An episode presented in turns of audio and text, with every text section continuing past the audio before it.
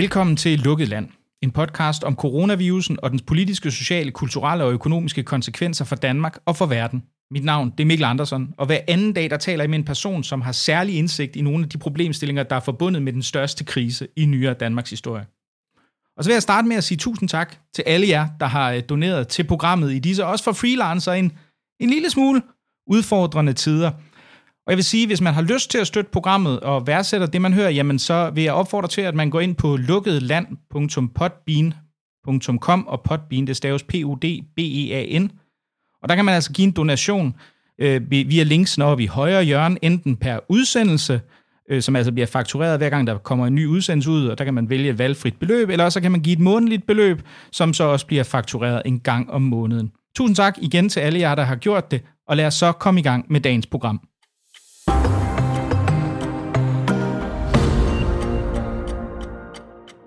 En lytter mente, at jeg var for enig med mine gæster. Noget jeg dog ikke helt kan genkende, men han foreslog, at jeg inviterede dagens gæst ind. Og han er i hvert fald en kende rødere end mig, og også lidt mere skeptisk over for regeringens håndtering af krisen, når det kommer til indskrænkningen af vores frihedsrettigheder.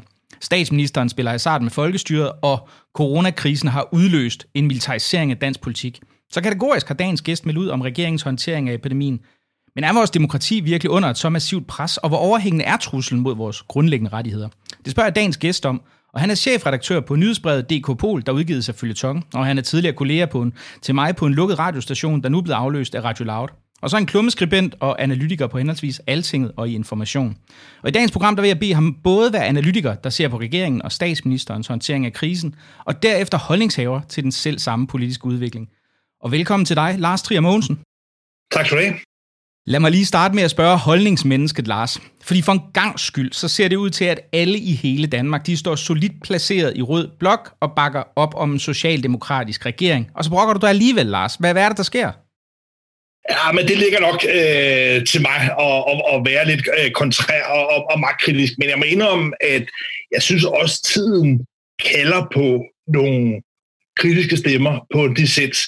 For jeg har aldrig nogensinde i mit liv oplevet en periode, hvor partierne på Christiansborg har været så meget i borgfred, og hvor befolkningen også har fået sig så meget over for magthaverne, at det næsten bliver opfattet som kættersk eller ja, landsforræderisk overhovedet at stille spørgsmålstegn ved de beslutninger, der bliver truffet. Og der, lad mig bare understrege fuldstændig, at jeg misunder absolut ikke de folk, de ganske få folk, der sidder i de her dage og uger og skal træffe nogle skæbnesvangre beslutninger, som med stor sandsynlighed kan vise sig at være forkerte. Jeg misunder dem ikke. Det er en umulig opgave.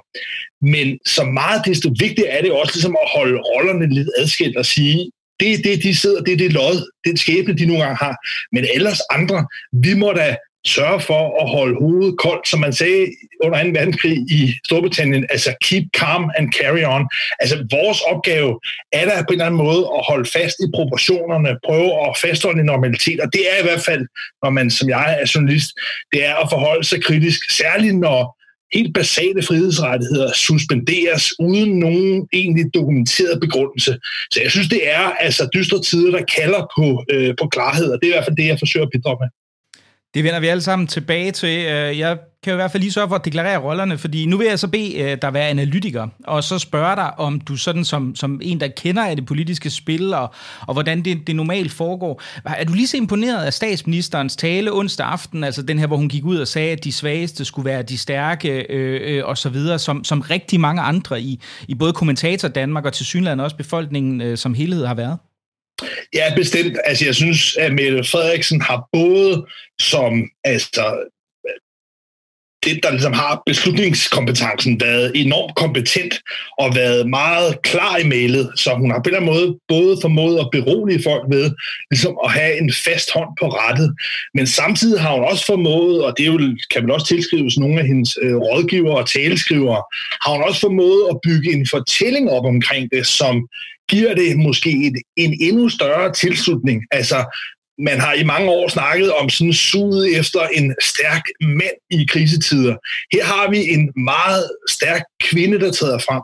Og det tror jeg i virkeligheden virker endnu stærkere, endnu mere effektivt, at hun på mange måder har formået os at pakke den her krisestemning, den her undtagelsestilstand ind i en lidt blødere socialdemokratisk fortælling om, at man i virkeligheden skal værne om, om de svage. Så jeg synes altså, både hun er meget stærk, men hun har altså også den her øh, evne til at bygge en, en, en mere følelsesladet og, og, og solidarisk, altså lad os nu bare bruge øh, det røde vokabularium, altså bygge den fortælling ind i det, som, som, som tror jeg gør, at folk faktisk næsten føler sig beroliget. Og jeg, altså i en politisk sammenhæng skal man også se ofte svingningerne, pendulsvingningerne. Altså vi har haft en lang periode, hvor en Venstres statsminister Lars Løkke Rasmussen har zigzagget meget og har været altså meget ubeslutsom i mange kritiske øjeblikke. Der er kontrasten til Mette Frederiksen også øh, bemærkelsesværdig. Altså, og, og, og det tror jeg er noget, der i sig selv også er med til at berolige folk. Hun har virkelig formået at træde karakter og øh, etablere sig som sådan en, en landsmoderskikkelse. Øh, meget kompetent, stærkt og, og, og suveræn. Men det har vel også nærmest været sådan den rolle, som man kan sige, hun var, hun var skabt til at udfylde. Ikke? Jeg kan huske, der var sådan en, en, en kampagneplakat eller, eller opslag på Facebook, der kørte en gang, jeg mener, det var i efteråret, hvor det var sådan noget med, at hvor Mette Frederiksen sagde, jeg er villig til at tage de ubehagelige, men nødvendige beslutninger, noget i den slags, den, den stil. Det var sådan relativt omdiskuteret på det her tidspunkt, ikke? Og det var lang tid før coronakrisen ramte, men altså nu må man jo sige, det er jo tydeligvis den situation, hun så er endt i, ikke? Jo, og det er jo det, der på en eller anden måde altså, giver det et, i blandet mange andre syrede øh, strøg, en, en, en surrealistisk stemning af, at det virker næsten til, at Mette Frederiksen har forberedt sig på den her situation, som hun jo absolut ikke har kunnet, og som jeg også tror, hun på alle tænkelige måder gerne ville have været for uden, fordi det fuldstændig rydder den politiske dagsorden, skubber alle andre ting væk, valgløfter, alle andre ting, som hun ellers meget detaljeret havde forsøgt at planlægge. Men altså det, hun sagde der øh, tilbage efteråret, det var helt overret citat. Det, der driver mig som statsminister, er et ønske om at passe på Danmark. Skal jeg gøre det, at vi nødt til at tage nogle af de ting i brug, som vi ikke tidligere har haft hverken behov for eller lyst til, citat slut. Altså, hvor hun både har den her fortælling om at ville passe på Danmark, og at det kan føre til, at man skal træffe nogle ubehagelige beslutninger med nogle ting, man ikke har haft behov eller lyst til. Altså, det var noget, hun sagde for inden, men der var andre elementer, der ligesom byggede op til, at det her ligesom bare blev en kulmination i virkeligheden på Mette Frederiksens øh, ja, næsten øh, kan man sige, statsræson, fordi i åbningstalen havde hun også en meget dyster tone af, at samfundet ikke nødvendigvis bevægede sig fremad, at der var nogle tilbageskred, og at man på en eller anden måde blev nødt til at indstille sig på, at fremtiden kunne blive mørkere, end den havde været. Og så i nytårstalen, som hun fokuserede på og ville give staten bedre muligheder for at tvangsfjerne børn, ja, der var hun så også derinde og, og på en eller anden måde lægge frøene for, at statsmagten skulle have udvidet beføjelser og ind og træffe nogle hårde, svære beslutninger, som det helt indlysende også er i forhold til øh, vandrygtede børn. Men så hun har altid haft, altså, som næsten som sådan en, en, en, øh, en symfoni, har hun haft de her dystre undertoner af en, en mørk fremtid, et behov for en øget stat, at hun vil passe på Danmark, og der er ting, man bliver nødt til at gøre, selvom man ikke har lyst til det. Og det er jo på den baggrund, at hun i virkeligheden også retorisk har gribet tilbage til mange af de toner, mange af de øh, talefragmenter, hun allerede havde drysset ud over befolkningen, da hun i de her skæbne døgn træder karakter det resonerer på en eller anden måde med den fortælling. Man mærker på en eller anden måde, at her har vi en Mette Frederiksen, fordi man har allerede fået ansatserne af det. Så, så jeg vil sige, at, at, at det er sådan en syret ting, at hun på en eller anden måde i løbet af efteråret på mange måder har beredt befolkningen mentalt, psykologisk og i hvert fald politisk retorisk på, at vi kunne komme i en, en undtagelsestilstand. Det, det er bemærkelsesværdigt. Ja, det må man sige, for jeg kan huske, da jeg så den der plakat til at starte med, eller, eller det, her, det, det her slogan, som du læste op for lidt siden, ikke? jeg sad og tænkte, det var da, Altså, jeg er jo så også pænt borgerlig, ikke? så jeg sidder og tænker, det lyder med med dystopisk, ikke? men altså, man må jo sige, øh, set i, i baks, eller, altså set i lyset af, hvad der er sket siden da, så var det jo næsten profetisk, ikke? det er jo ret fascinerende. Men, men hvis, vi, hvis vi sådan kigger lidt bredere fra, fra kun, i forhold til kun at se på Mette Frederiksens præstation, hvordan synes du sådan regeringen i, i, altså i, i forhold til de ministre, der er trådt, trådt frem og har været en del af det her, øh, Magnus Heunicke og så videre, hvordan har de håndteret det ellers, hvis du sådan skulle give individuel karakter eller vurdering? Ah, men det er jo alt sammen noget, der er sket i skyggen af Mette Frederiksen, der jo virkelig har vist, hvad magt er. Altså hun har trådt frem som den her suveræne skikkelse, der regerer i undtagelsestilstanden, og har dermed jo også reduceret altså både alle de andre partiledere, men jo set også sine egne ministre til nogle øh, øh, altså, øh, biroller. Så jeg, jeg tror egentlig ikke, at det altså i den situation, vi er, nødvendigvis giver så meget mening at, at, at vurdere Magnus Heunicke, fordi han har i høj grad gjort som en soldat, hvad han er blevet, øh, blevet bedt om, og på samme måde også med en, en øh, finansminister, Nikolaj Vammen, som jo måske i virkeligheden er den, der har truffet de allermest vidtgående beslutninger, altså de hjælpepakker, den mulige gældsætning på op mod 300 milliarder kroner, der er blevet truffet beslutninger om i løbet af få døgn. Det er jo altså på alle tænkelige parametre det vildeste, der er sket i dansk politik i, i årtier, og det har eller, undskyld, Nikolaj Vammen jo på en eller anden måde øh, føjeligt gjort, men jo, jo under instruks fra, fra Mette Frederiksen, så jeg synes, at det er Mette Frederiksens suveræn fremtoning, som på en eller anden måde overskygger alt det andet. Det lyder som om, der er lidt Karl Schmidt bag det, når du siger det her, den her tyske retsfilosof og, og jurist, øh, der altid sagde, at øh, det var suverænen, det var den, der definerede undtagelsestilstanden. Øh.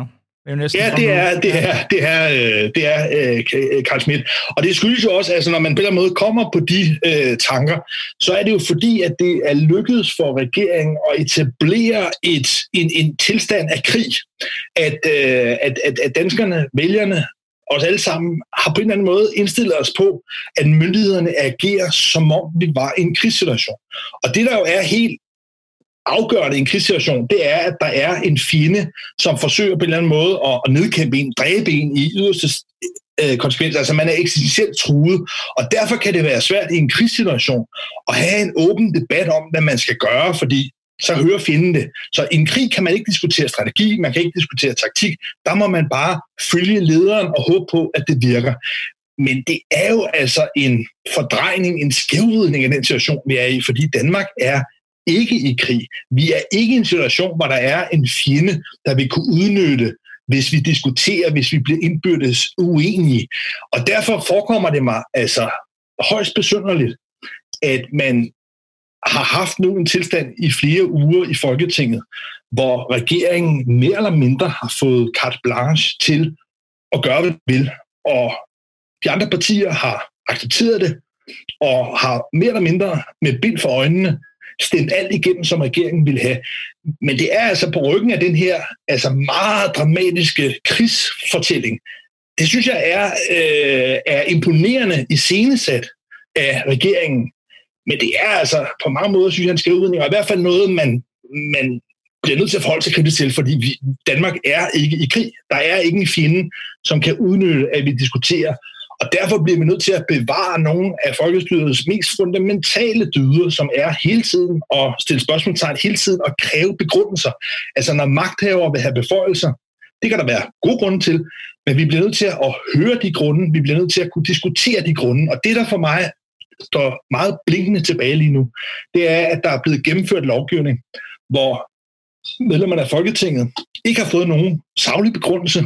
Tværtimod har de efterfølgende kunne se i medierne optravlet, at regeringens egne rådgivere, blandt andet i Sundhedsstyrelsen, har været imod nogle af de udvidede beføjelser, der er kommet.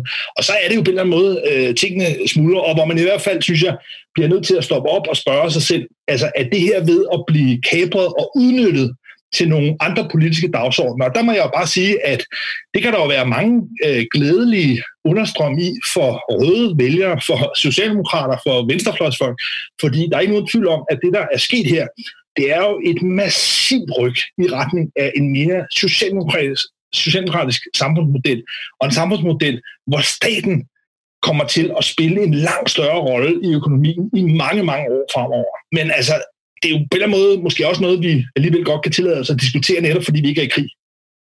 Men, men altså, man kan jo se den her, den her massive opbakning til, til, til ledere i en krisesituation, er jo noget, der virker til, hvis ikke, hvis ikke universelt, så i hvert fald meget udbredt i, i forskellige lande. Vi kan se, Macron har stor opbakning, selv Donald Trump har stor opbakning, Matteo Salvini i Italien har også stor opbakning. Altså, det virker jo lidt som om, at, at det også er et spørgsmål om, at man identificerer sig med den, der nogle gange står i, i spidsen for at håndtere en ekstremt graverende krise. Altså, kan, kan Mette Frederiksen holde fast i den her meget massive og helt enestående popularitet, eller er det noget, som hun risikerer langsomt smuldre, når vi, når vi forhåbentlig inden alt for længe kommer ud på den anden side af den her epidemi? Men det er jo ikke rigtigt. Vi har det her mønster af, altså man, tror jeg, i, i amerikansk politologisk forskning kalder det rally around the flag. Altså at folk på en eller anden måde altså netop danner vomborg omkring fanen og støtter, kan man sige, ledelsen. Og det har du ret i. Det ser vi alle steder. Det, der er jo interessant, og det man bør fokusere på, det er, hvad er det så for nogle konkrete politiske tiltag, der rent faktisk bliver foreslået og gennemført. Og der er det altså bare bemærkelsesværdigt, at det er en, øh, en sådan socialdemokratisk chokterapi, der bliver ført ud, ikke kun i Danmark, men i allerhøjeste grad også, som du nævner, i Storbritannien og i Frankrig. Men det er jo ikke neutralt. Altså, de politiske tiltag, der bliver lavet lige nu, er ikke nogen, der ligesom bare er øh, farveløse, kemisk renset for ideologi. Nej, nej, det er det netop ikke. Det er i høj grad og dermed også socialdemokratisk politik, som borgerlige stats- og regeringschefer kommer til at føre i andre lande. Men lad mig sammenligne med noget, som, på den måde, som man får en proportion på. Det er, at tilbage i 11. september 2001, hvor der skete det her forfærdelige terrorangreb i USA, der ændrede hele det politiske spil sig i Danmark. Poul Nyrup Rasmussen, dengang var statsminister, han troede på en eller anden måde på, at der også ville være den her rally around the flag-effekt, øh, at han på en eller anden måde, og derfor udskrev han en hurtig valg, og troede på en eller anden måde, at folk ville stemme sammen omkring. Det han havde overset, det Socialdemokratiet havde overset dengang, det var, at den politiske dagsorden havde var skiftet fundamentalt. Den var skiftet i retning af en stor skepsis i forhold til muslimske lande, en stor villighed til på en eller anden måde at hævne sig, og, og på en eller anden måde altså, slå igen, som jo så også førte til, at man indledte en krig i Afghanistan. Men der var der altså, kan man sige, sket et fuldstændig grundlæggende skift af det politiske øh, magtspil, og hvor Anders Fogh Rasmussen, som jo så vandt valget, i de følgende år i høj grad havde opbakning til at stramme ikke bare retspolitikken, men selvfølgelig også i høj grad udlændingepolitikken, meget i, i skyggen af 11. september. Og det førte jo til, altså, og det er jo så gradvist noget, der har rykket hele det politiske spektrum. I dag er der ikke nogen, der rigtig altså, vil foreslå, at man skulle slække på terrorlovgivning og på asyllovgivning osv., fordi den skræmmeeffekt, den chok-effekt, der var med terrorangrebet dengang, det har ligesom rykket hele det politiske øh, landskab. Og der er min pointe altså, at det er noget af det samme, vi ser nu, hvor det altså rykker sig i en meget voldsom retning og meget hurtigt retning af en socialdemokratisk, keynesiansk krisepolitik. Og det er også interessant at se, hvordan herhjemme, at Venstres formand, Jakob Ellemann Jensen, reagerer. Hvad har han gjort? Ja, han er som gået ud og foreslået, at man skal bruge endnu flere penge. Altså, øh, Venstres position i det her er jo blevet altså ikke bare socialdemokratiske light, men altså dybbrød socialdemokratisk. Altså Jakob Ellemann er blevet fanget af det her, på samme måde kan man sige, som Socialdemokratiet i tid blev fanget af, af det skift, der skete i udlændingepolitikken, og nu er det altså bare ikke den værdipolitikken, der rykker, nu er det fordelingspolitikken, der rykker meget massivt. Og der er det, at øh, de borgerlige partier, både i Danmark, men også borgerlige stats- og regeringschefer i andre lande, kommer til at rykke i retning af den her socialdemokratiske krisepolitik. Og det er derfor, jeg mener, at det er noget, der også sådan, kan man sige, mere strukturelt og underliggende kommer til at styrke øh, Mette Frederiksen og Socialdemokratiet. Fordi selv hvis hun skulle blive upopulær, så er man altså lige nu ved at fyre så mange penge af og binde så store dele af vores fælles øh, skattekroner, og i hvert fald altså fremtidige gældsforpligtelser på en intervention i økonomien, en socialdemokratisk krigspolitik, at uanset hvem der vil blive statsminister i de næste mange, mange, mange, mange år, vil de være bundet af en socialdemokratisk økonomisk politik. Og det er det skift, der er sket, og det er jo noget, som Mette Frederiksen altså, har god grund til at glæde sig over. Hvis, hvis vi ser på, på, på lige, altså netop på oppositionen her, altså, så synes jeg, det virker jo fuldstændig sort, at, at det faktisk er regeringens parlamentariske grundlag, altså primært i forhold til enhedslisten og de radikale, der virker mest kritisk over for en række tiltag. Øhm, altså det har været grænselukninger i forhold til de radikale, og der har været nogle strafskærpelser også fra, fra enhedslisten og forskellige andre ting, som de har, de har været imod, hvor man kan sige, at oppositionen, særligt i form af Venstre, har været fuldstændig fraværende. Hvad, hvad er det, der sker for de borgerlige for tiden? Jamen, jeg tror, at de er blevet øh, kortsluttet af den her øh, krigslogik, og så tror jeg også, at de er blevet overrumplet af de jo meget drakoniske stramninger, der er sket, blandt andet med grænsekontrollen. Altså noget, som borgerlige partier har mundhugget sig over i overvis. Altså det var noget, der virkelig martrede Lars Løkke Rasmussen i sin tid, at han ligesom ikke rigtig kunne finde en løsning på det her med grænsekontrol og øh, Dansk Folkeparti og Liberal Alliance og så videre. De kæmpede indbyrdes og så videre. Det var ligesom en, en, en, en fase og en handlingslammens, der blev udstillet der hos de borgerlige. Så kommer Mette Frederiksen til, og bare altså i løbet af en nat, altså bare helt impulsivt, bare bum, gennemførte det, bum.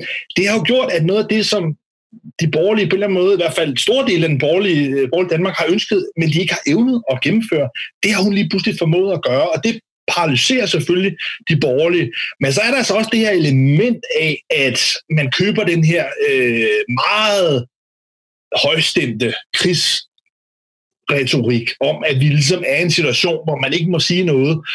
Og der har Mette Frederiksen og, og, og hendes øh, Øh, rådgiver, hvor jeg tror, vi måske, i stedet for Magnus Højning og så videre, så tror jeg, vi måske, vi skal nævne den nye departementchef, øh, Barbara Bertelsen i statsministeriet, som jo kom fra Justitsministeriet, og som også er kendt som en, øh, en, en, en, en, kæv og tof og, og, og, og hårdslående øh, kvinde. Og der kan man sige, kombinationen af Mette Frederiksen og Barbara Bertelsen i statsministeriet har gjort, at de på meget kort tid har kunnet trumfe nogle ting igennem, og hvor de måske også ligesom har fanget øh, de borgerlige partier med bukserne nede, og har tvunget dem til at sige ja og skrive under på nogle øh, meget store gældsposter, som de måske i øjeblikket ikke rigtig forstod konsekvensen af. Men altså, så det er en kombination af, at de borgerlige er blevet fanget på, at de i virkeligheden, at der er blevet realiseret noget, som de ikke selv har kunnet gøre, og to, at det er sket så hurtigt, og så overrumplende, at de slet ikke har forstået, at der i virkeligheden også var nogle meget ideologiske elementer i nogle af de her krisepakker.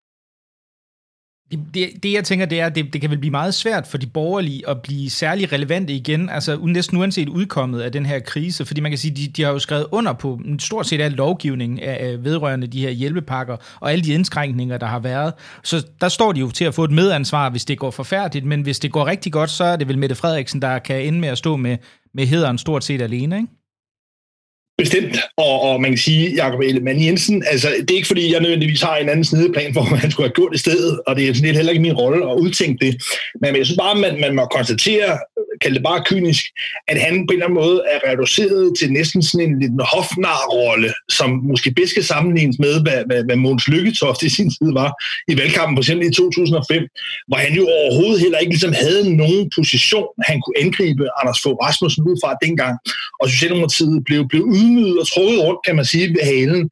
Og på samme måde tegner der altså nu et, en, en, et, øh, et, et kampbillede, hvor Jakob Ellemann Jensen ved ikke blot ligesom at have accepteret det her, men faktisk også nu i de sidste par døgn at have foreslået endnu større offentlige udgifter.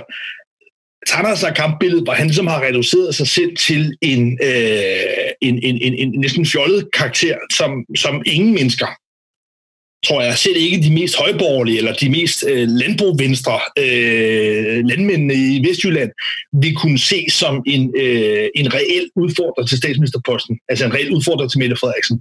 Det har hun på en eller anden måde allerede kvæst, så, så man kan sige, vi er i hvert fald i den mærkelige fase, at det bliver først i det øjeblik, at Venstre faktisk vil forvalte en, øh, en ny formand igen, før at, at der egentlig er en reel øh, magtbalancekamp i Danmark om, hvem der er statsminister. Lige nu, der har Mette Frederiksen allerede øh, lagt øh, trædestenene til at kunne kvæse øh, de borgerlige ved næste Så, så du mener simpelthen, at, øh, at øh, Jakob Jacob Ellemann øh, på grund af det her forløb er, er diskvalificeret som, som mulig kommende statsminister i Danmark?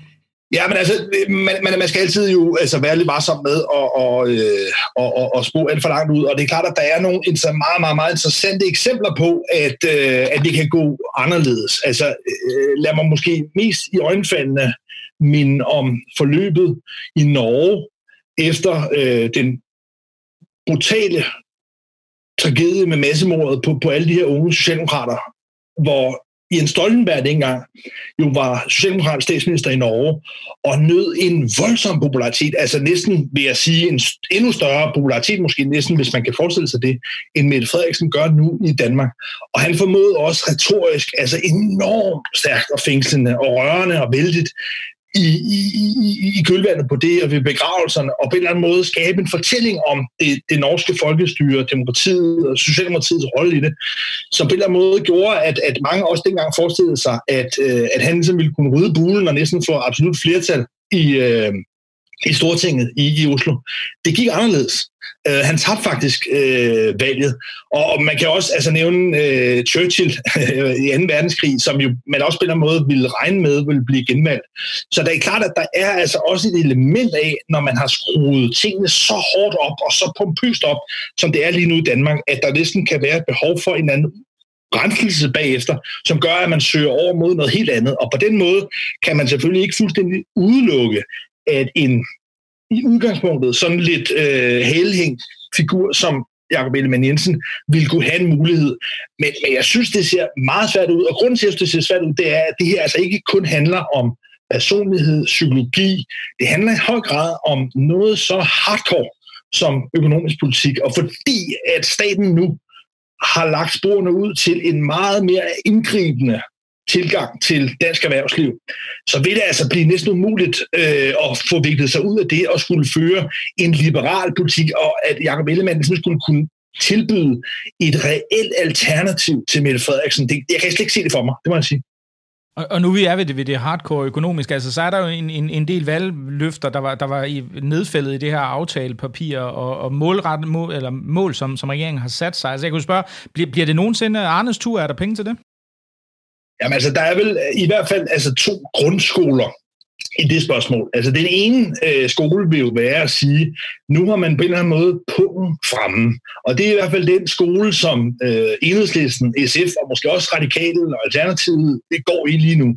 De har en anden, vil jeg måske indskyde lidt naiv og from forventning om, at på den anden side af det her, så vil der være lige så mange penge at bruge på alle mulige andre øh, gode formål, altså pædagoger i børnehaver, eller netop øh, tidligere tilbagetrækning til, til Arne. Så det er klart, at der er en skole, der hedder, at når man på få dage kan fyre næsten 300 milliarder kroner af, så vil det nok også være muligt at finde nogle ekstra penge. Blandt andet fordi, at nogle af de udgifter, de her den her gælds, altså øh, på, på måske 300 milliarder kroner, det er jo nogle indgangsudgifter. Altså det er nogen, der ligesom kun midlertidigt fyrer af, forhåbentlig, her i de første par måneder, altså eller frem mod, mod sommerferien, og, og man så kan lukke den ned. Så, men, men, men grundlæggende ideen her er, i den første skole, det er, at man nu ligesom har fået åbnet sluserne øh, åbnet statskassen, så fremover vil øh, næsten hvilket som helst beløb, man nævner, virke småt og, øh, og ligegyldigt, og derfor noget, man ligesom kan stemme hjem.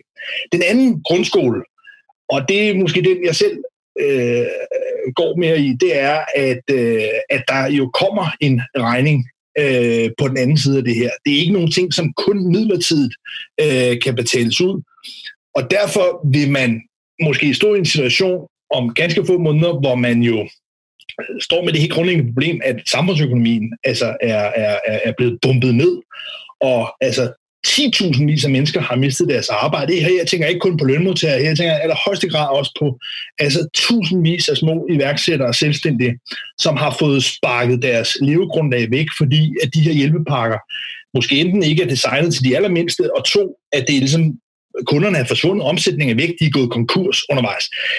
Og i den situation, ja, der vil der ligesom kunne øh, være en ny smalhals. Der vil det være øh, rigtig, rigtig svært at begynde ligesom at, at skrue op for, for udgifterne. For eksempel nævner du øh, tilbagetrækning til Arne. Det, det er måske i virkeligheden også sådan rent øh, økonomisk en af de mindre omkostninger. Det, der for alvor trækker, det er jo hele den grønne omstilling og de investeringer, man står over for at skulle gøre i, i, i forhold til, til, til klimaet.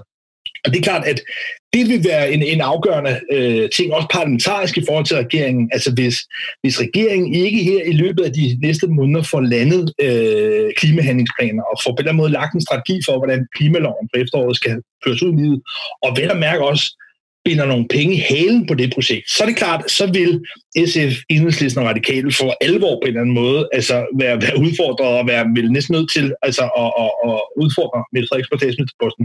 Og med den sidste skole her, altså, at, at der på en eller anden måde kommer øh, smalhals, og at øh, hestene begynder at bide, når, når, når krybben er tom, det, det, det er jo et, et langt sværere scenarie for, for Mette Frederiksen. Men, men der skal man bare igen huske, hun har sådan set parlamentarisk flertal sammen med Venstre. Altså når jeg, så længe Jacob Ellemann Jensen er villig til ligesom, at, at, at skrive under på en blankocheck til, til, til Mette Frederiksen, så har hun jo sådan set parlamentarisk flertal for at køre den her øh, mere statsinterventionistiske, øh, keynesianske krisepolitik, også øh, længere frem. Øh, og spørgsmålet er så, om man ikke også der vil kunne lave nogle store nationale kompromiser, hvor man på en eller anden måde laver en, en, en ny, øh, altså en ny pensionsvelfærdsaftale, man laver en ny øh, klimaaftale, at man på en eller anden måde, altså på en syret måde, kommer lidt ind i den situation, som Lars Løkke Rasmussen set åbnede valgkampen, med sådan en form for samlingsregering mellem Socialdemokratiet og Venstre. Altså det er jo i hvert fald også et scenarie, det bærer derhen af, og så kan hun jo nok alligevel også måske få det kantet igennem. Så jeg vil egentlig sige, at jeg tror, at de her valgløfter, vi nok godt kunne realiseres. Jeg tror ikke, det, det, det der bliver, øh, jeg tror ikke, det er det, der bliver kildescenen. Nu, nu var du selv inde på, at det er, jo ikke, det er jo ikke givet, altså, at den her popularitet vil holde til næste valg. Det var det, vi så med Stoltenberg i Norge efter Utøj, at han alligevel endte med at tabe valget. Tror du, tror du Mette Frederiksen vil være fristet af, af et hurtigt nyvalg og kunne kapitalisere på det her? Der er jo en mulighed, hvis de radikale de holder deres løfte om at, øh, at udskrive øh, eller vælte regeringen, hvis der ikke foreligger en klimaplan ved, så vidt jeg husker, grundlovsdag, ikke? Ja, Ja, altså Morten Østergaard altså kom jo måske lige øh, kægt øh, nok til ligesom, at true regeringen i virkeligheden med at ville vælte Mette Frederiksen, hvis der ikke på grundlovsdagen 5. juni, altså der, hvor der var valg i 2019, hvis der ikke der ligesom er, er, er, er, er vedtaget i virkeligheden, og i hvert fald opnået enighed omkring sådan en, en klimapanel. Det har han så, kan man sige, mudret en lille smule og erkendt, at nok ikke kommer til at ske. Så altså, jeg tror andet ikke, at, at det bliver det, der ligesom øh, vælter regeringen. Og jeg tror også, at Mette Frederiksen er så pinligt bevidst om, at hun skal træde meget varsom, hvis hun skal forsøge at udnytte øh, den situation, der er lige nu. Men altså, når du kigger på de, på de nøgnetal, så er Socialdemokratiet i flere målinger altså væsentligt over 30 procent. Det er ikke noget, der næsten har været øh, er sket til i nogle mærkelige skøre web øh, meningsmålinger i den sidste generation. Så Socialdemokratiet står lige nu altså historisk godt, og jo i særdeleshed også, hvis man kigger på situationen på Socialdemokratiet i andre sammenlignelige lande. Så, så, så den situation, vi bevæger os ind i nu, altså er selvfølgelig en, en, en fristende situation for, for Mette Frederiksen, fordi det er klart, at hvis hun på ryggen af en situation, hvor altså, langt de fleste voksne danskere på den måde ikke bare øh, har respekt for hende, men også kan man sige, ligesom bakker hende op og øh, faktisk imponeret af hendes øh, suveræne handekraft, ja, så er det jo altså øh, fristende. Og der er det bare, at jeg vil og så kalde det bare øh, kynisk og alt muligt, men, men, men, men, men politik er ikke neutralt. Altså politikere øh, sætter ikke øh, parentes som politik særlig længe. Det kan så godt gøre det nogle, nogle få døgn. Men selvfølgelig er der folk, der begynder at tænke i, hvordan det ligesom styrker i det her tilfælde Socialdemokratiet og regeringens øh, position. Og jeg tror ikke overhovedet, at der kommer et valg, altså sådan set i det her år. Det tror jeg ikke, hvis jeg ligesom skal kode det ned til en konklusion. Men, men, men jeg tror, det er noget, der i den grad vil blive overvejet. Og jeg tror hele tiden, man skal være opmærksom på, at Socialdemokratiet og regeringsminister selvfølgelig da hele tiden spekulerer i, hvordan situationen kan vendes til noget, der er positivt for regeringen og for ministerne. Altså, sådan er magt. Altså, og, og det er jo ikke sådan, så de altså, oldgamle intriger og rænkespil, der er i, i, i det politiske, at de ligesom forsvinder, øh, fordi der er en, en, en virussygdom, der spreder sig øh, fortvivlende rundt i, i, i verden rænkespillene, intrigerne øh, fortsætter, og det betyder, at Socialdemokratiet selvfølgelig spekulerer i, hvordan de kan udnytte det her. Øh, at de ikke nødvendigvis øh, så gør det, det er jo en anden ting, men, men selvfølgelig er det noget, der overvejes. Og så tænker jeg, så kan vi måske gå over til, øh, til at prøve at udfordre øh, holdningsmennesket, Lars. Det øh, angår lidt mere normativ end, end dine analyser her. Fordi jeg ved, måske, at du startede med, med at sige, eller ved, ved det første spørgsmål, jeg stillede dig, at, at det var som om, at det var landsforræderisk at stille spørgsmål ved, ved, ved regeringspolitik, men det passer jo ikke, Lars. Der er jo ikke, der er jo ikke, folk har jo ikke lavet andet nærmest. Altså, hvis du læser Berlinske, så er ikke gået en dag, uden at der er kommet folk ud, der har siddet og sagt, at hvad det hedder, man skulle ikke sætte øh, menneskeliv over økonomi, eller man skulle sørge for at indregne det på andre måder, end regeringen har gjort. Altså, der har været der selv og Mads Brygger og en frygtelig masse andre, der har stillet spørgsmål til, om regeringen var for indskrænkende. Der har der været masser af debat om de her spørgsmål. Ja, ja, altså heldigvis, ellers havde det jo været altså, fuldstændig bananas, hvis der ikke ligesom havde været en, en, en, en livlig debat om de her ekstremt vidtgående beslutninger, som er blevet truffet, altså hovedkuls på få dage. Så ja, der er en, en, en, en, en debat. Jeg konstaterer bare, at øh, på Christiansborg, der er der altså ikke rigtig nogen øh, videre debat. Der har der ligesom været, kan man sige, altså en, en, en, en tavshed. Og der synes jeg til gengæld, det er interessant, fordi her, øh, hvad er det dag? Søndag mm, yeah. eftermiddag, der udsendte øh, Christian Thulesen Dahl et nyhedsbrev. Det gør han øh, hver uge.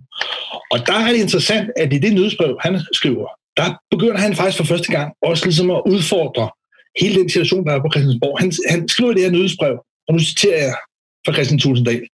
Spørgsmålet er, om coronahåndteringen ikke er, nu er nået dertil, at demokratiet skal genindføres i Danmark. At regeringen må acceptere, at partierne genfinder deres rolle, og regeringen ikke automatisk skal gøre lige, hvad den vil under henvisning til krisen. Citat slut.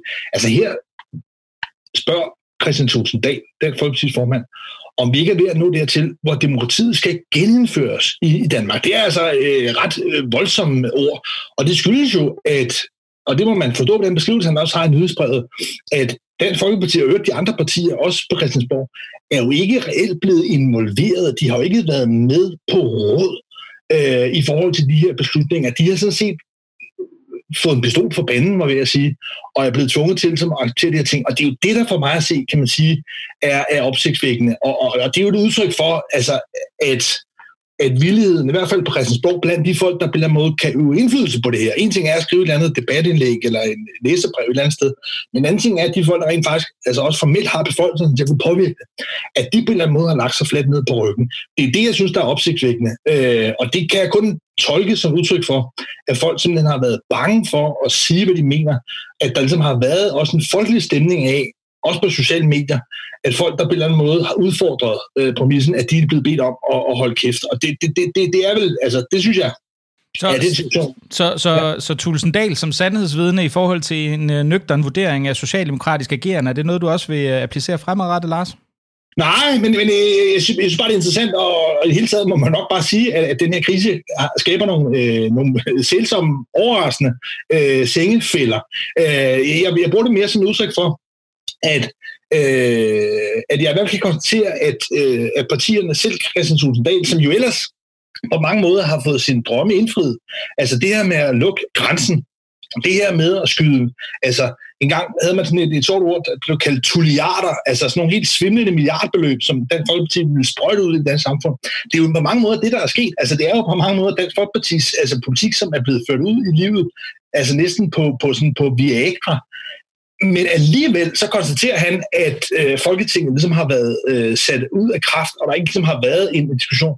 Og øh, når du ligesom frister holdningsmennesket, så kan man sige, at, at der, hvor, hvor, hvor, hvor min, øh, min ængstelighed måske ligesom alarmeres, det er jo, at alle de penge, som vi nu fyrer af, altså kunne man i virkeligheden forestille sig, fordi jeg sådan set, altså ideologisk, økonomisk, sådan set er fuldstændig på det rene med, at vi i Danmark heldigvis har råd til det. Vi har en kreditværdighed, og, og så længe øh, altså, at statsobligationsrenten er, er negativ, så koster det jo paradoxalt nok ikke rigtig noget at, at låne penge. Tværtimod kan man faktisk få penge for at, at, at låne penge. Det er en syret situation. Men i den situation er jeg sådan set fuldstændig med på, at man godt kan tillade sig at øge det offentlige forbrug. Altså igen begynde at føre finanspolitik, som man ikke har gjort i årtier. Men man bliver nødt til at spørge sig selv, hvad er det, de penge skal bruges til? Og der frygter jeg, at den klimaomstilling, hele den omstilling af, af, af vores økonomi, som i høj grad også kunne være med til at skabe nye arbejdspladser, altså skabe beskæftigelse både i udkantsområderne, men også sådan set i nogle af de øh, i større byer i, i Danmark, og hvor jeg i hvert fald synes, det er overbevisende, at en massiv grøn omstilling ville kunne være med til at skabe mange jobs, tusindvis, titusindvis af nye, reelle vellønnet jobs i Danmark, at de chancer måske øh, forpasses, at man i hvert fald, kan man sige, ender med nu at skrue ned øh, for, det, for, for, for både det, det, det grønne ambitionsniveau, men måske også i forhold til øh, muligheden for at stimulere økonomien i retning af, at der bliver skabt flere jobs, at man altså tør føre erhvervspolitik, som Socialdemokratiet gjorde i gang, og ikke kun betale regningerne for, for gamle virksomheder, men også være med til som at, at, at, at, at skabe nærings, øh, base øh, liv til, til, til nye virksomheder, til nye brancher inden for, altså om det er det grønne, som jeg har nævnt, eller det kan være inde i forhold til, til vandteknologi, der er en masse, kan man sige, øh, globale problemer, som, som Danmark vil kunne fremme og udvikle virksomheder, som er med til at løse de problemer, der kunne skabe arbejdspladser. Og der har jeg altså min, min ængstelighed i forhold til, at mange af de muligheder for at føre en, en enlig omfordelingspolitik, forstået på den måde, at noget, der kunne være med til, at unge mennesker igen kunne få lærepladser, at der igen på en eller anden måde kunne være et, et løft som vi har set heldigvis gennem generationer, men hvor folk er gået fra at være ufaglærte til at være faglærte, hele det velstandsløft, hele den udvikling, hele den også udvidelse af folks myndighed, at det er noget af det, der på en eller anden måde forpasses her. Så, så derfor øh, frygter jeg lidt, at, øh, at det er ligesom bare at betale regningerne til alle øh, dansk erhverv og dansk industris øh, medlemmer, øh, at det er simpelthen en for, for dum og kortsigtet måde at føre økonomisk politik. Og problemet er lidt, at man kan jo ikke trods alt øh, fyre flere hundrede milliarder kroner af øh, flere gange. Så det er altid en once-in-a-lifetime opportunity, vi har at gøre med her. Og der er det bare, jeg frygter, at, øh, at de penge ja, kunne være brugt bedre. Men, men er problemet ikke altså, relativt indlysende, at hvis du ikke øh, i en eller anden grad subsidierer både virksomheder og lønmodtagere, jamen så er der ikke, altså så, så de, de, de virksomheder øh, øh, og de arbejdspladser, der skal finansiere via skatteindbetalingerne fremtidens velstand, jamen de vil jo så ganske enkelt bare forsvinde. Altså, der er vel ikke nogen tvivl om, vi har jo lige set selv med de her enorme hjælpepakker, at arbejdsløshedskøen vokser fuldstændig vanvittigt her i, øh, ved de nye tal, der kom her den 1. april. Der er ikke nogen tvivl om, at, øh, at, at, at de hjælpepakker, man har lavet, har været altafgørende for altså 10.000 af menneskers øh, job, også på den anden side af, af, af krisen. Og jeg synes, det er opløftende, og jeg synes også, det er styrkende i forhold til altså, demokratiets evne til rent faktisk at handle og, og løse nogle problemer, så synes jeg, det er opløftende, at man har turet igen at føre altså sådan en socialdemokratisk krisepolitik, som jo står i kontrast til, hvad man gjorde under finanskrisen, hvor det endte med, at man skar ned på offentlige forsørgelsesordninger, og, øh, og gav masse penge til bankerne. Altså, der, der kan man sige, der var der en helt omvendt fordelingsprofil i forhold til, hvad man gør nu. Så der er ingen tvivl om, at det er reelt socialdemokratisk politik at gå ud og holde hånden under nogle af de her øh, jobs. Det, jeg bare stiller spørgsmålstegn ved, det er, at man gør det så hovedkuls, at det ligesom bliver øh, gamle virksomheder, som ligesom kan tørre deres regning af, og at man så måske mangler det krudt til at kunne skabe nye vækstbrancher. At man på en måde, altså fordi det, det for mig at se, og det er jo også noget af det, som jeg som, som, som tidligere vært på 24 Røde Felt har beskæftiget mig meget med, det er, hvordan man altså kan øh, gøde jorden, hvordan man kan stimulere økonomien til, at der ligesom hele tiden kommer bedre og mere vellønnede job, altså så vi i Danmark kan undgå det res mod bunden, som globaliseringen meget, meget let kan føre til. Der kræver det altså en, en meget offensiv og intelligent øh, både reform, men i høj grad også erhvervspolitik, der hele tiden kan gøre, at der opstår vellønnet job i Danmark. Ellers risikerer vi lige pludselig at, at komme ned og konkurrere med, med resten af verden på nogle fuldstændig jammerlige vilkår. Og, og, og det er lidt i det lys, at, at, at, øh, at jeg sådan set godt kan stille spørgsmålstegn ved, om, øh, om, om de 300 milliarder kroner, der bliver fyret af nu, om de ikke vil, altså også over et livstidsperspektiv, som det jo reelt kommer til at blive, om de ikke ville kunne have skabt lang, lang, lang, lang, lang større også social balance, hvis de havde været øh, investeret mere intelligent. Og der kan man for eksempel bare kigge til forskellen til Tyskland. Der har man jo givet virksomhederne penge for, at, at medarbejderne kunne blive på fabrikkerne. I Danmark, der har man givet virksomhederne penge for, at folk skulle tage hjem fra fabrikkerne. Det er jo for eksempel bare til en start en, en, en, en ret skør prioritet. Hvis vi ser på, på de indgreb, der, der er sket i forhold til, til, til borgerrettigheder som forsamlingsfriheden osv., så, videre, så har vi jo set de samme indgreb i stort set alle europæiske lande, i varierende grad, men i en række lande også langt mere drakonisk, end hvad vi har set her i Danmark. Så, så altså, jeg mener, i forhold til den kritik, du retter mod regeringen for at, at gribe ind i, i de, i de sådan grundlæggende borgerrettigheder, jamen, hvad er det for nogle alternativer, du, du har forestillet dig, man kunne have gjort i, i, i den konkrete situation? At virker det ikke som om, at social distancering øh, og, og forskellige retningslinjer i forhold til, til at begrænse forsamlinger, jamen det er den vej, som alle er gået, og det var det, der ligesom lå øh, som, som den biologiske trussel, som virusen trods alt udgør, den dikteret? Jo, men der tror jeg, man på den måde kan lave sådan en opdeling, hvor, hvor på, i den borgerlige blok, der er der altså en forskel mellem at være liberal og være konservativ. Og hvis man er konservativ i en borgerlig blok, så kan man egentlig godt lide staten. Så kan man godt lide, at der på en eller anden måde er sådan en jernnæve i staten, der på en eller anden måde ligesom kan slå ned på bøller og, og, og optøjer. Og hvis man er liberal, jamen, så er man en lille smule mere skeptisk over for, at staten på en eller anden måde selv kan bestemme, og man har måske større tiltro til civilsamfundet. Men den samme opdeling, altså som det er i det borgerlige mellem at være liberal og være konservativ, den har man altså også på venstrefløjen.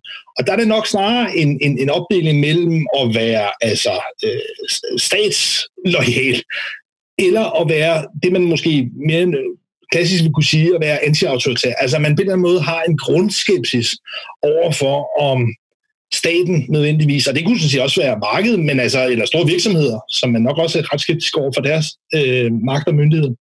Men i første omgang er man skeptisk over for staten, og det er den sidste kategori, jeg altid tilhører. Og jeg synes, det virker meget, meget gådefuldt, hvorfor man tror, at den sociale distancering, vi har set i Danmark, som den danske befolkning altså ved brug af deres sund fornuft har udlevet, at den på en eller anden måde krævede strafferammer hævet. Altså jeg synes, det virker altså helt, helt besynderligt i forhold til den folkekultur, vi i hvert fald tidligere troede, vi havde i Danmark. Hvis man forestiller sig, at det, der skulle afholde nogle folk fra at, at for eksempel at, at stjæle øh, håndsprit, at det skulle være, at man fordoblede en eller anden straf. Altså det, det, det, det er sådan en helt fuldstændig skør, skør, skør, skør verden at bevæge sig ind i. Altså hvorfor fanden er det, at man sidder og bruger tid på at ændre straframmer, når vi heldigvis er i en situation, hvor folk snusfornuftigt ved hjælp af, af, af oplysning og, og indsigt og almindelig altså, viden rent faktisk ændrer adfærd, opfører sig fornuftigt, er i, i, i hjemmekarantæne, holder afstand, altså så bruger regeringen altså deres øh, altså tid og ressourcer på at ville indføre hårdere straffe. Altså, og, og, og det hele taget, kan man sige, altså væver alle mulige værdipolitiske gamle ådsler og zombier fra, fra flere års debat, bliver ligesom vævet ind i tippet, hvor man ligesom må sige, det har jo ikke noget med scenen at gøre. Men altså Lars, hvis vi nu ser, det, det kan vi godt tage, men altså man kan jo sige, det er jo sådan et spørgsmål om moralsk vurdering. Man mener, man handler så usolidarisk og uselt over for fællesskabet, at man mener, at hvis du går hen og stjæler værnemidler i en situation, hvor det kan føre til, at folk på hospital bliver smittet, så er det okay at straffe det hårdt. Det kan man så mene om, hvad man har lyst til. Jeg synes, jeg er personligt ikke det store problem med det, men, nej, men, men, men, men, men, men, jeg mener, men, men, lad os, men, men jeg mener bare, hvis vi nu ser på, på den her tese om, at hvis du overlader ansvaret til folk selv, så kan de godt finde ud af det, men det er jo ikke rigtigt. Altså hvis vi så på i Sverige, der holdt de jo afterski parties selv, hvor man sagde, at du skal begrænse forsamlingerne mest muligt på op til 499 99 mennesker, hvor grænsen den så lå på 500 mennesker, nu har de kørt noget længere ned dog. Ikke? Altså, så, så der er jo et argument for, at i lige præcis den her slags situationer, jamen der er der altså, nogle, der er der altså faktisk nødvendigt at bruge statens sådan relativt hårde, hårde hånd for at sikre, hvad kan man sige, og det er jo helt underligt, det er mig, der sidder og argumenterer for det, men at sikre, hvad kan man sige, kollektivets bedste. Altså, fordi smitte er et kollektivt ansvar, det, det er en funktion. Ja, men, men, men ja. på den måde er det her jo på den måde sådan en fremkaldervæske, hvor man så kan sige, at du, Mikkel, for eksempel, så når det kommer til stykket, er konservativ. Du er ikke et liberalt menneske. Du er, når du bliver presset, når, når, når, når det på den måde står og, og vipper, så er du et, et, et, et bund konservativt menneske, der har størst tillid til, at man øh, at det er politiet, der på en eller anden måde kan håndhæve det her, frem for at det for eksempel kunne være folk, der argumenterer, folk, der sagde, prøv at øh, luk der, eller øh, gå hjem, spred jer, man diskuterer. Altså, man på en eller anden måde øh, bruger en liberal, eller man kunne sige, venstreorienteret, anti-autoritær tilgang til det. Og, og, og, det er jo men, fair men, nok. Men, men, lige, men, okay, fair nok, men, men lad mig lige så spørge, du mener simpelthen, altså for konsekvensen af det, du siger, altså man skulle simpelthen bare have lavet et sæt retningslinjer, som du kunne sende ud til befolkningen, og sige, det her, det er sådan, vi gerne vil have jer til at opføre jer. Og så havde folk simpelthen rettet ind efter det, fordi problemet er jo ikke, det vil jeg jo mene, det er jo ikke, det er jo ikke 80 procent. Det er jo ikke de 80 procent af befolkningen. De skal simpelthen nok gøre det. Problemet er dem, de resterende, som er ret ligeglade. Og dem er der jo en del af, men må vi jo kunne konstatere. Ikke? Der er også blevet uddelt bøder i Danmark, og der har været forsamlinger, der har været for store. Så, så, så du mener faktisk, at man skulle have nøjes med bare at udsende sådan en slags vejledende koroningsretningslinjer, og så håbe på det bedste? Jamen, jeg er altså ikke grundlæggende tilhænger af, af, af et frit samfund, og jeg forestiller mig heller ikke, at man kan undgå i fremtiden, at der vil være øh, virus, der spreder sig. Jeg forestiller mig heller ikke i fremtiden, at man kan undgå, at der er andre sygdomme eller naturkatastrofer, der sker. Og jeg forestiller mig absolut heller ikke, at der ikke vil være åndssvage idioter, som foretager sig skøre, skøre, altså uansvarlige ting, hver dag. Så, så det er også lidt en, en anden forskning om, kan man sige, hvor, hvor, hvor, hvor, hvor topstyret harmonisk øh, et samfund på en eller anden måde kan være. Ja, der er idioter, som på en eller anden måde mødes øh, på barer, som ikke følger regler. Og det gør de altså uanset om der er regler og love, og om de bliver smidt i fængsel, så er der jo, altså, og det har der jo altid været, og det vil der også være forhåbentlig fremover, altså øh, folk, der på en eller anden måde til sig skørt, det, det er jo ikke noget, vi på en eller anden måde kan eliminere.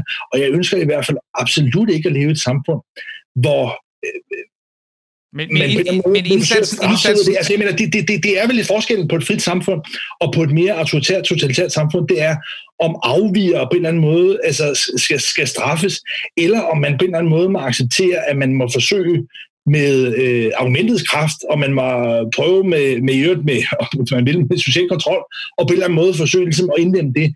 Men jeg synes, det er en, en skør situation, og jeg må bare stilfærdigt sige, at, øh, at den situation, man har i Sverige, har jo i hvert fald den for, fordel, at den almene folkesundhed, også her tænker jeg også på den mentale, i forhold til, hvordan folk omgås med hinanden, den, den tillid, man på en eller anden måde trods alt har haft, som vi har berømmet os af, at vi har tillid til hinanden, den oplever jeg i Danmark er, er udfordret, at der er opstået en større mistænksomhed over for folk, og der er jo også en masse øh, personer, som jeg også synes opfører sig idiotisk, der går rundt og er sådan nogle øh, selvbestaltede politibetjente, der ligesom belærer andre, at, at, at, men er det ikke den sociale kontrol, du lige har efterført, øh, efterlyst? Altså, det er jo, meget, jo, jo, jo, det er, det er meget altså, logisk, at hvis, hvis, hvis, hvis civilsamfundet skal løse det, så er det okay. Hvis civilsamfundet skal løse det, så er det vel den sociale kontrol, der skal... Altså, så det er vel legitimt nok at sige, hey, lad være med at hamstre, eller hvad det nu ellers det, kan være. Jamen, prøver, det er lige præcis min pointe, det er, at folk må, må, må sige ting, der er fornuftige, folk må sige ting, der er belærende, folk må også sige ting, som, som er åndssvage. Altså, det er jo på en eller anden måde det, vi må leve med, og den usikkerhed, og det er også det, der ligesom trods alt gradvist vil begynde at gå op for os i takt med, at samfundet øh, langsomt øh, åbnes. Det er, at vi kan jo ikke sidde isoleret, vi kan jo ikke lade være med at, at, at tage kollektiv transport, vi kan jo ikke lade være med at, at høre musik, vi kan jo ikke lade være med at gå ud og spise, vi kan jo ikke lade være med at være sociale væsener, fordi at der er... Jeg tror, det går, jeg tror, det går ret godt i, i store dele af Italien og Spanien for indeværende, faktisk. Altså, jeg, jeg tror, altså, min point er jo her, at, at man kan jo sige, det er jo, altså, mange af de tiltag er jo, er jo et, et, en konsekvens af en frygt for, at vi skal ende i de tilstande. Det her er jo ikke et spørgsmål om, at vi synes, det er træls, at naboen spiller høj musik eller opfører sig på en måde, der, der er asocial i alle mulige andre sammenhænge. Det er jo for at undgå en, hvad kan man sige, altså det er også derfor, det er en undtagelsestilstand, som vi taler om. Det er jo for at undgå nogle konsekvenser, som er ulige meget værre, end hvad vi står i i stort set alle, alle andre situationer, fordi smitte er noget, der er socialt overført. Så, så, så er, det ikke en, altså, er det ikke en radikalt anderledes situation end så mange andre? Og så kan du sige, at der kommer også andre epidemier. Jo jo, men det har altså været 100 år siden, vi så en, der mindede om det her sidste gang, ikke? Jo, jo men prøv, altså, jeg, jeg medgiver fuldstændig, at, at min øh, skepsis øh, er, er, er på alle tænkelige måder overtrumpet af et kæmpe stort, massivt flertal, som er villige til at, at indføre også langt mere drakoniske ting. Jeg har set folk på sociale medier, som, som, som altså vil have folk til, som ikke har måttet gå ud for en dør, altså have indført noget udgangsforbud og sådan helt vanvittige øh, tiltag. Og, og det er der jo folk, der mener i Danmark, og det, det kan man sige, det, sådan er det jo. Øh, og, og det accepterer jeg, det er der et flertal, der mener. Og derfor kan man sige, at det er jo også det, som øh, regeringen først og fremmest reagerer på. Så når, når regeringen er i den situation, at de ligesom får at vide af deres øh, faglige rådgiver, f.eks. Sundhedsstyrelsen, at de forslag, de politisk har på bordet, det er der ikke noget fagligt belæg for, så er det jo, som Mette Frederiksen mange gange har sagt, en politisk beslutning, fordi den politiske beslutning er, at hun tager hensyn til vælgerne. Hun tager hensyn til de mange vælgere, som enten er angste for at dø, eller de vælgere, som er øh, oprevet over, at andre mennesker tillader sig at gå uden for en dør, eller hvad det nu måtte være.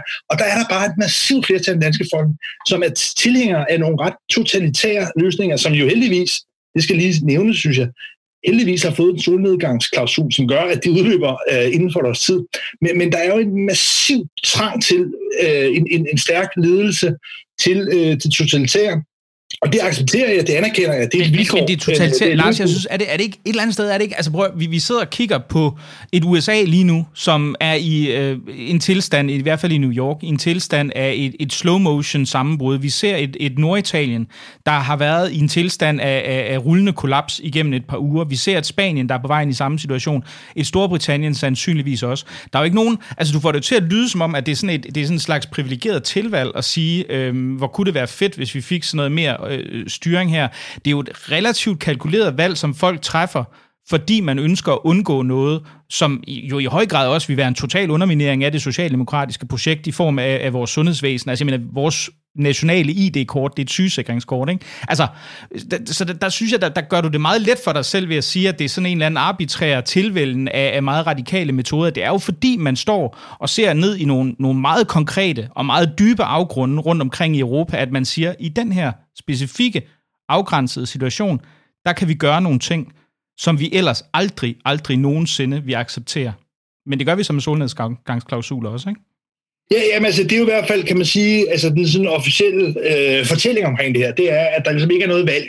Øh, og, og, og der er det bare, at, at jeg i hvert fald gerne vil opfordre vores lyttere til, bare som sådan en general, øh, altså et generelt leveråd, at når folk siger, at der ikke er noget valg, så skal man altså, kan man sige, øh, forholde sig lidt smule skeptisk. Øh, og det er jo det, der ligesom er lidt med det paradoxale i det her, det er, at jeg har ligesom øh, i mange år accepteret, eller i hvert fald affundet mig med, at man fra politisk hold har sagt, at der ikke var noget alternativ til den økonomiske politik, man havde ført. Der er i rigtig, rigtig mange år, i vel måske små 20 år, været en forestilling om, at man ikke kunne føre andet end en øh, reformpolitik, hvor man på en måde skar ned på de offentlige øh, overførsler, at man ikke på en måde forsøgte at føre en aktiv erhvervspolitik osv. Der var ikke noget alternativ. Margaret Thatcher sagde, there is no alternative. Og det er ligesom noget, der har været accepteret som en, en præmis, og derfor er det jo sådan helt eksklusivt, at vi nu lige pludselig ser på få dage, at man faktisk kan begynde at føre en radikal anden økonomisk politik. Så jeg medgiver fuldstændig, at der sker, øh, der sker nogle brud, og det går selvfølgelig også den anden vej i forhold til, til retspolitikken. Jeg, jeg, jeg accepterer, at, at, øh, at folk er bange. Øh, jeg accepterer, at folk har en opfattelse af, at det her er noget, der udfordrer nogle grundsøjler i, i, i vores samfund. Men jeg appellerer måske også til, at man altså prøver ligesom at, at have nogle proportioner i det. Altså igen det her med, vi får ikke et totalt harmonisk samfund, hvor der ikke ligesom er øh, risici, hvor der ikke er mennesker, øh, der dør. Og det er ikke fordi, at jeg sidder øh, og, og er blevet sådan en kynisk darwinist, som, som på en eller anden måde ikke vil forsøge at gøre alt, hvad man overhovedet kan for at redde så mange mennesker. Men man bliver også nødt til at have proportionerne med, fordi nu er jeg selv vokset op i, i, i en lægefamilie, og igennem hele mit liv har jeg da hørt altså, øh, historier om, hvordan man må prioritere behandling. Altså, det er jo en daglig fortielse, at man vælger ikke at forlænge behandlinger, eksempelvis til gamle, meget syge mennesker. Så det er jo et grundvilkår i hospitalsvæsenet. Det er at ligesom, at man helbreder nogen, at man gør folk raske, så er der altså også nogen, man må opgive nogle gange også af økonomiske årsager. Altså, i, i de seneste mange år har der jo været masser af situationer, hvor man rundt omkring på afdelinger på danske sygehus og hospitaler jo ikke har haft økonomi til at føre en behandling ud i livet, som ville kunne have forlænget liv, eller som ligefrem ville kunne have reddet folk. Så det er jo et grundvilkår i politik, og i mindst, ikke mindst i sundhedspolitik, at man prioriterer. Så det, jeg også her kan være lidt nervøs ved, det er, altså, hvad vil det her egentlig føre til? Altså, øh, vil det føre til, at man fremover ikke længere kan lave økonomiske prioriteringer af, af, af kraftpatienter? Det vil jeg egentlig synes var lovende, opløftende. Men, men, men hvis det er det, der ligesom er konklusionen, så skal man bare være opmærksom på, at så skal vi altså hæve skatteprocenten i Danmark med en 10-15 procentpoint. Fordi det bliver en rigtig, rigtig, rigtig, rigtig dyr løsning. Og det er vel også noget, der på en eller anden måde altså, skuer lidt imod den måde, man har indrettet sig på. Altså mange af de beslutninger, som man også fra borgerlig hold og socialdemokratiske hold har lavet i forhold til ligesom, at lave en mere effektiv offentlig administration og drift af sygehus, har jo haft en konsekvens, at man har haft øh, færre penge i nogle konkrete afdelinger. Og, og, og, og den diskussion, den er der vel på en eller anden måde stadigvæk. Så jeg synes på en eller anden måde, den der forestilling om, at vi ligesom er eksistentielt truet i Danmark, og at vi aldrig nogensinde mere igen vil komme til at træffe øh, også fatale øh, politiske prioriteringer, det synes jeg bare er, øh, er, er skørt og skævt. Men, men, men igen, jeg accepterer fuldstændig, at der er et massivt folkeflertal. Så, så ligegyldigt om det havde været Mette Frederiksen, eller det havde været for den sags skyld Uffe Elbæk, der havde været statsminister, så var det langt hen ad vejen blevet nogle af de samme beslutninger, fordi det er det, der ligesom er et meget stort, massivt folke altså skrig om. Aller sidst, uh, øh, Lars, altså man kan sige, nu siger du, at, at prioritering er et grundlæggende vilkår i sundhedsvæsenet. Altså nu kan man sige, at i, i, i Norditalien, som selvfølgelig er det mest udtalte, men også Spanien og, og forskellige andre steder rundt omkring i verden, jamen der ser man jo nogle meget konkrete prioriteringer, hvor du bliver nødt til at lade, lade folk dø på grund af respiratormangel, altså dø af, af det her, den her immunoverreaktion, som, som virusen øh, medfører. Altså, er det, er det, er det, er det, altså jeg, jeg, jeg forsøger bare at kredse det ind. Altså, er det du, det, du siger, er, at vi skulle være mere villige til at acceptere på, altså hvis vi giver folk mere udstrakt frihed, konsekvensen bliver, at flere bliver inficeret, så må vi tage det med. Altså, så er det ligesom et, det er virusens biologiske vilkår, at så må vi tolerere, at, øh, at der er altså nogen, der, øh, der, der på tragisk vis, men, men, men det må man acceptere, at der er nogen, der omkommer. Altså, det er jo tilfældet lige nu det er jo, at der er folk, der, der, der desværre dør af det, på trods af, at, øh, at hospitalsvæsenet gør alt, alt, hvad de overhovedet kan.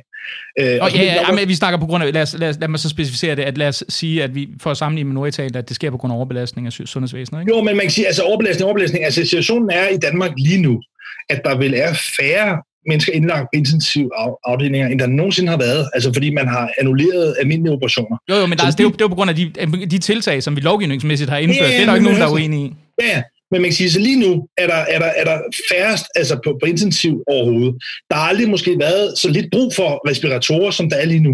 Og hvad kunne man så gøre? Ja, så kunne man for eksempel hjælpe Italien. Altså både Italien og meget bekendt også Spanien har faktisk anmodet om næsten nødhjælp for Danmark. Altså Danmark har jo en, en, en overkapacitet på i hvert fald en, en øh, i hvert fald 5, 6, 7 gange så mange respiratorer, som vi reelt har brug for dem kunne man jo sende derned. Altså man kunne hjælpe hinanden, man kunne på en eller anden måde, altså de flaskehalse, der må være rundt omkring, hvor, hvor, hvor folk ulyksaligt særligt er blevet smittet, der kan man jo på en eller anden måde koncentrere kræfterne. Og der synes jeg bare, at, at det er da lidt bedrøveligt, at man i Danmark, hvor vi har en voldsom overkapacitet i sundhedsvæsenet, at vi ikke på en eller anden måde hjælper øh, nogle af de folk. Altså forestil dig, hvis det havde været omvendt. Forestil dig, hvis, hvis, hvis vi i Danmark af forskellige årsager havde været det sted, der var hårdest ramt i Europa. Tænk, hvis italienerne havde altså tusindvis af respiratorer, de ikke brugte, som de så bare undlod at, at sende herop. Så på den måde synes jeg også, det er et spørgsmål om, kan man sige, at prioritere ressourcerne og, og hjælpe hinanden. Og der synes jeg da, at det er øh, ret beskæmmende, at man fra den side, når man har en så voldsom overkapacitet, øh, kapacitet, både når det kommer til intensiv øh, pladser, men også til respiratorer og øvrigt til, til, til værnemidler, til alt, hvad man overhovedet kan forestille sig, at man så ikke hjælper de steder, hvor der er hårdest brug. Det, det, det, det, det, altså, så tror jeg på en eller anden måde, måske i virkeligheden godt, at, at italienerne kunne, kunne, kunne komme bedre ud af det her. Den, den del af det vil jeg, vil jeg erklære mig øh, fuldstændig enig i, Lars. Jeg synes også, det er, jeg synes også, det er enormt beskæmmende at se, at i, i den her situation, hvor, hvor vi har mulighed for det, og øh, øh at, øh, at man vælger ikke at gøre det. Men jeg vil, jeg vil tro, og det er jo så, må vi jo se, om tiden vil, vil vise det korrekt, det er, at der er en, en formodning om, at svenskerne måske får brug for lidt, lidt assistance hen ad vejen også. Men altså, det får vi at se. Jeg synes i hvert fald, at... Øh, at i den her, den her øh, situation, der er international solidaritet på, på sin plads. Men altså, jeg vil sige uh, tusind tak, fordi du var med, Lars, den her, den her syrede udsendelse, hvor det, det var mig, der, der sprang ud som den konservative statselskende øh, ja. Øh, ja, statselsker. Du, og, vis, du og, viser, at ja, den liber, libertære socialist, der, ja, der, der, der ved at udstede øh, velmenende opfordringer til befolkningen. Men det var en spændende... Jeg tror, jeg tror, den bedste betegnelse måske er, at jeg er en uh, redneck. Jamen, øh, det får du øh, det får lov til at være udgangsreplikken, Lars Trier Mogensen. Tusind tak, fordi du vil være med. Selv tak.